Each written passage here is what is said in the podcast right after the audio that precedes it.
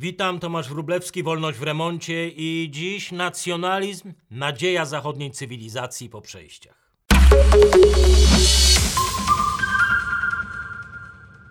Wyklęty, znienawidzony nacjonalizm w porażającym stylu i tempie wraca do światowej polityki. W Europie napędza rebelię przeciwko Brukseli, w Ameryce jednoczy się wokół Trumpa, w Wielkiej Brytanii forsuje Brexit, jest wszędzie. We Włoszech, w Austrii, na Węgrzech, w Turcji, w Rosji, w Chinach. Dał ostatnio zwycięstwo Mondiemu w Indiach, Abe w Japonii. Jest tak naprawdę w każdym geście i słowie Netanyahu w Izraelu, no i oczywiście znajdziemy go w Polsce. Swoje złe imię nacjonalizm zawdzięcza dwóm kolejnym wojnom światowym. Naród, narodowy, natychmiast uruchamia ludziom w głowach film obrazy takiego całego zła tego świata. Stąd też pewnie łatwo popularną dziś, yy, popularną medialnie, ale fałszywą tezę, że zachodnia cywilizacja znowu stanęła na krawędzi katastrofy. Przyjmijmy na chwilę, że nacjonalizm odpowiada za koszmar ostatniej wojny. I nawet jeżeli, to ten sam nacjonalizm w polskim, francuskim czy brytyjskim wydaniu oswobodził jednak Europę. Najpierw od niemieckiej okupacji, a długo później od y, komunistycznej rosyjskiej. Więcej, hasła narodowe stały za każdym zrywem powstańczym w naszej historii. Na, y, w swojej pracowni mam dwa wydania Kuriera Polskiego. To jest y, powstanie listopadowe. Już wtedy właśnie powstawa, pojawiały się słowa naród, narodowy. Narodowcami byli najwięksi przywódcy tego świata. Woodward Wilson, Roosevelt, Reagan, Mahatma Gandhi z całym swoim pacyfistycznym przesłaniem jednoczył Hindusów wokół nacjonalistycznych idei. David Ben-Gurion nigdy nie zbudowałby Izraela bez silnej narodowej wizji swojego państwa. De Gaulle nie odbudowałby potęgi Francji, a Thatcher nie pokonałaby związkowców i komunizującej rebelii górników. A jednak w opinii, w powszechnej opinii, nacjonalizm ma twarz Hitlera, a nie Gandiego. Zaraz mi ktoś tutaj wytknie, że patriotyzm to jedno, a nacjonalizm to zupełnie inna sprawa. No to polecam dzieła Gandiego. Retoryka pełna narodowych przesłań i nacjonalistycznych wykładni dziejów Indii. Na wizerunek nacjonalistycznej e, idei, jej faszystowskiej prowiniencji latami, latami pracowała sowiecka propaganda, a potem sympatyzujący z nią lewicowi europejscy intelektualiści. Od końca II wojny światowej pozycjonowali komunizm i wszystkie jego socjalistyczne siostry jako siły pokojowe. Socjalizm miał być przeciwwagą dla zbrodniczego nacjonalizmu. Wybitne postacie europejskiego nurtu lewicowego, kolejne pokolenia akademickie, europejscy pisarze, filozofowie kształtowali młode pokolenia w nienawiści do wszystkiego, co narodowe. Postaci jak Sartre, Thomas Mann, Franz Fanon, Eugenio Montale, długa, długa lista twórców i jeszcze dłuższa dziennikarzy przestrzegających przed narodowymi sentymentami. Ojcem antynarodowej szkoły myślenia był Elie Quadrier, profesor londyńskiej School of Economics, autor kultowej książki w latach 60. Nacjonalizm. Jego wywód o reakcji łańcuchowej, czy jak to sam nazwał, piekielnym kręgu emocji narodowych, do dziś pokutuje w myśleniu lewicowych elit, także elit w Polsce. Przekonani są, że wymachiwanie flagą narodową czy nadmierny entuzjazm wokół świąt narodowych może być początkiem faszystowskiej zarazy i końcem demokracji. Całkiem już współcześni intelektualiści, wolni od emocji lewicujących europejskich uczelni, jak choćby amerykański filozof, analityk George Friedman, uważa, że budowanie muru między demokracją a nacjonalizmem jest wydumanym, szkodliwym sporem. Jak powiedział, mamy poważny kryzys zachodniej cywilizacji. I jak dalej kontynuował Friedman, to próba oderwania demokracji od jej narodowych korzeni. Friedman przypomina, że pierwsze wolne i demokratyczne instytucje na świecie powstały na zrębach pierwszych państw narodowych. Anglia, Holandia, Szkocja. Tylko państwa z jedną dominującą grupą narodową, z jednym językiem i jedną religią stać było na akt tolerancji nadanie praw obywatelom swojego kraju. Angielska Magna Carta mogła powstać w kraju, którego obywatele ponad wszelkie różnice czcili swoje państwo i złączeni byli więzami, które nie pozwalały im działać na jego szkodę. Nawet jeżeli czasem nie uświadamiali sobie jeszcze wtedy narodowego konceptu, to te 800 lat temu, kiedy powstawała Magna Carta, już wtedy związani byli czymś więcej niż doraźnym interesem małych grup. Doskonale zjawisko tłumaczy, wytłumaczył wybitny XIX-wieczny filozof, liberał John Stuart Mill. W rozważaniach o rządzie, o rządzie reprezentacyjnym 157 lat temu pisał: Warunkiem koniecznym dla wolnych instytucji jest, aby granice rządu pokrywały się z granicami narodowości. Granice rządu pokrywały się z granicami narodowości. Wspólnota narodowa jest e, na co dzień takim niewidocznym składnikiem, komponentem tolerancji i demokracji. Żeby zaufać ponadplemiennym czy partyjnym instytucjom, może sądom, w narodzie musi zapanować zgoda co do ich reprezentatywności. Pokażcie mi choć jedno państwo na świecie, silne mocarstwo, sklejone z różnych grup narodowych, gdzie przetrwała demokracja. I uwaga, od razu zaznaczam, Kanada, Australia czy Ameryka, państwa imigranckie, niezależnie od tej swojej całej etnicznej mozaiki, mają szczególnie silne narodowe credo i przywiązanie do narodowych symboli. Nacjonalizm tak naprawdę w Ameryce nie schodzi z ust kolejnym prezydentom. Mamy natomiast sporo bolesnych przykładów ponadnarodowych eksperymentów. Związek Radziecki oczywiście pierwszy, ale jest, jest Jugosławia. Ostatnio tak dojrzałe wydawało się demokracje jak Hiszpania też przechodzą przez piekło narodowych napięć. To nie przypadek, że religijne i bratobójcze wojny wybuchają najczęściej w granicach sztucznych ponadnarodowych bytów. Wspomniałem już Jugosławię, ale w Afryce większość państw sztucznie sklejonych przez dawnych brytyjskich kolonistów toczyło i toczy mordercze wielonarodowe wojny. Syria, Irak, to tam, a nie w Stanach Zjednoczonych, Wielkiej Brytanii wybuchają wojny domowe. Tolerancja, warto pamiętać, tolerancja jest luksusem, na jaki mogą sobie pozwolić tylko społeczeństwa związane czymś ponad codzienne różnice osobowe i religijne. Wszystko to, co uważamy dziś za zwycięstwo demokracji, tak? trójpodział władzy, czy limitowa, ograniczona władza wykonawcza, wszystko było wtórne do państw narodowych. Każdy pewnie pamięta ze szkoły frazy o polskiej tolerancji, fenomenie na skalę ówczesnej Europy. To była Konfederacja Warszawska, uchwalająca na Sejmie w 1570 1993 roku gwarancję swobód osobistych.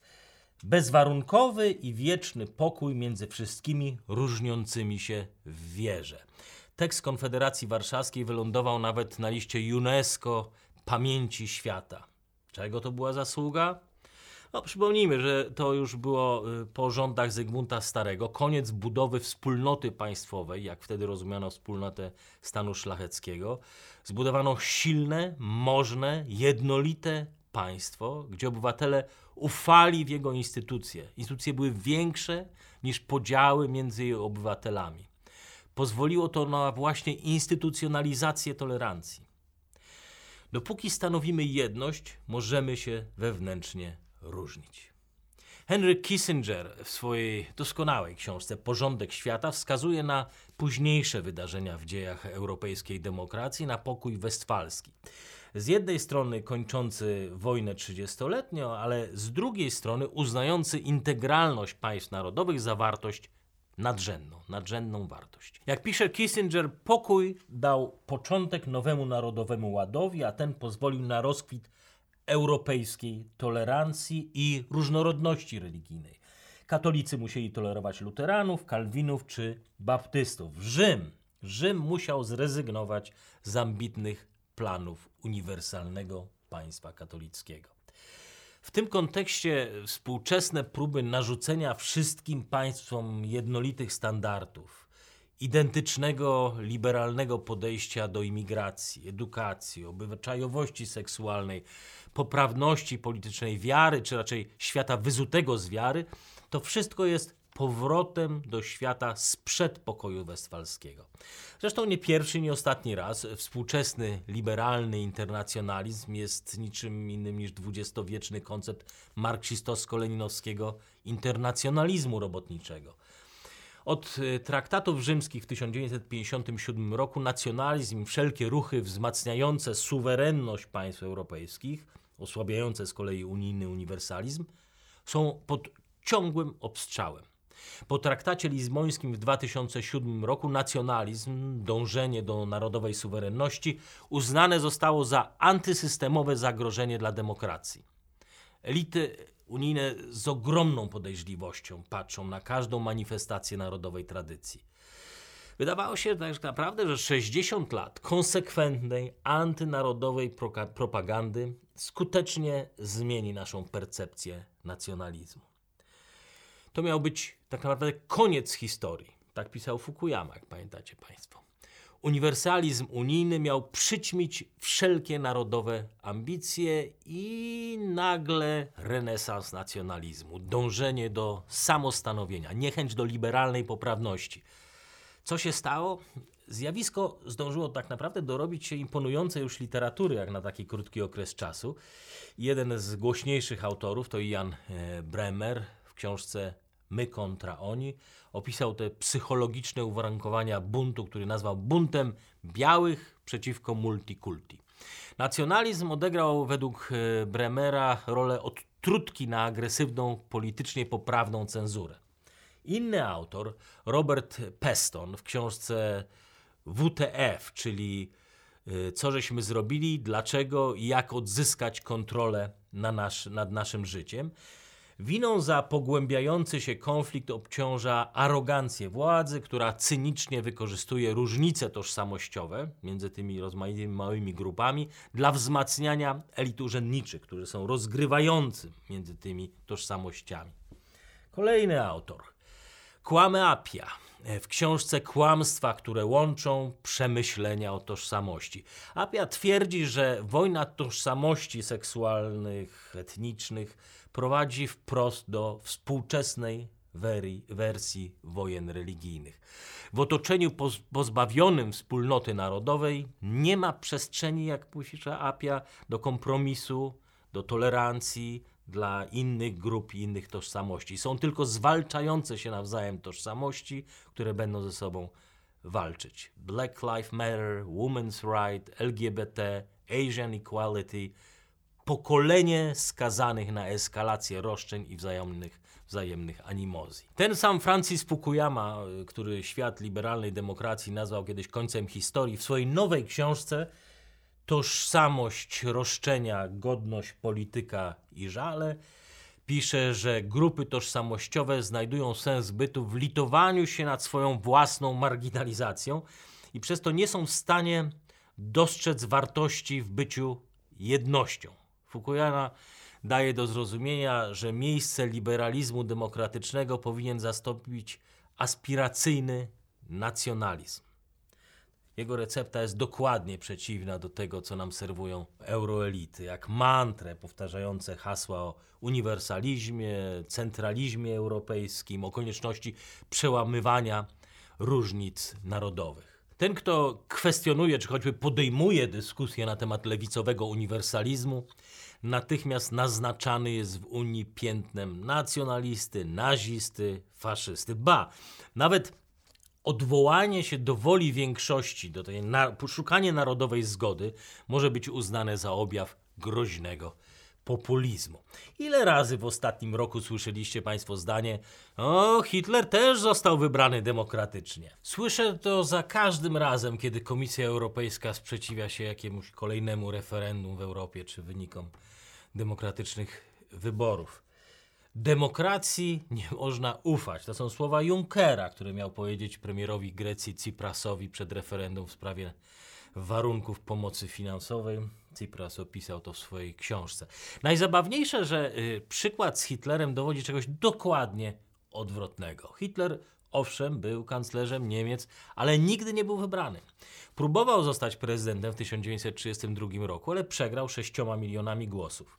Wtedy prezydent Hindenburg mianował Hitlera jedynie przejściowym kanclerzem mianował na trzy miesiące do czasów marcowych wyborów. Ale w lutym, pamiętacie Państwo, Reichstag stanął w płomieniach i Hitler przekonał wtedy Hindenburga do przejęcia, przyjęcia specjalnego dekretu zawieszającego konstytucyjne prawa obywatelskie, w tym prawo wyborcze. Hitler doszedł do władzy depcząc demokrację. Deptał ją w imię uniwersalnej swojej faszystowskiej ideologii. Faszyzm jak komunizm, jak każda ideologia usiłująca niedemokratycznymi metodami narzucić swoje normy, jest zaprzeczeniem nacjonalizmu. Teraz uwaga. Śmiem twierdzić, że nacjonalizm jest cnotą. Ma oczywiście swoje ciemne strony, jak w każdym systemie wartości ekstremiści stanowią zagrożenie dla wartości, którym hołdują, w tym przypadku dla własnego narodu. Jeżeli jednak tolerancja, wolność, demokracja, jeżeli to są wartości, na jakich nam zależy, to silne narodowe państwo jest tutaj odpowiedzią. Natomiast tłamszenie nacjonalizmu, zastępowanie narodowej integralności jakimś wydumanym uniwersalizmem, czy to będzie marksizm, czy teraz socjalliberalizm, mogą tylko pogłębić obecny kryzys wartości i wcześniej, wcześniej niż sądzimy, doprowadzić do współczesnego odpowiednika wojen religijnych. Zapraszam na kolejny odcinek Wolności w Remoncie na kanale YouTube Warsaw Enterprise Institute, a wersja audio w podcastach iTunes.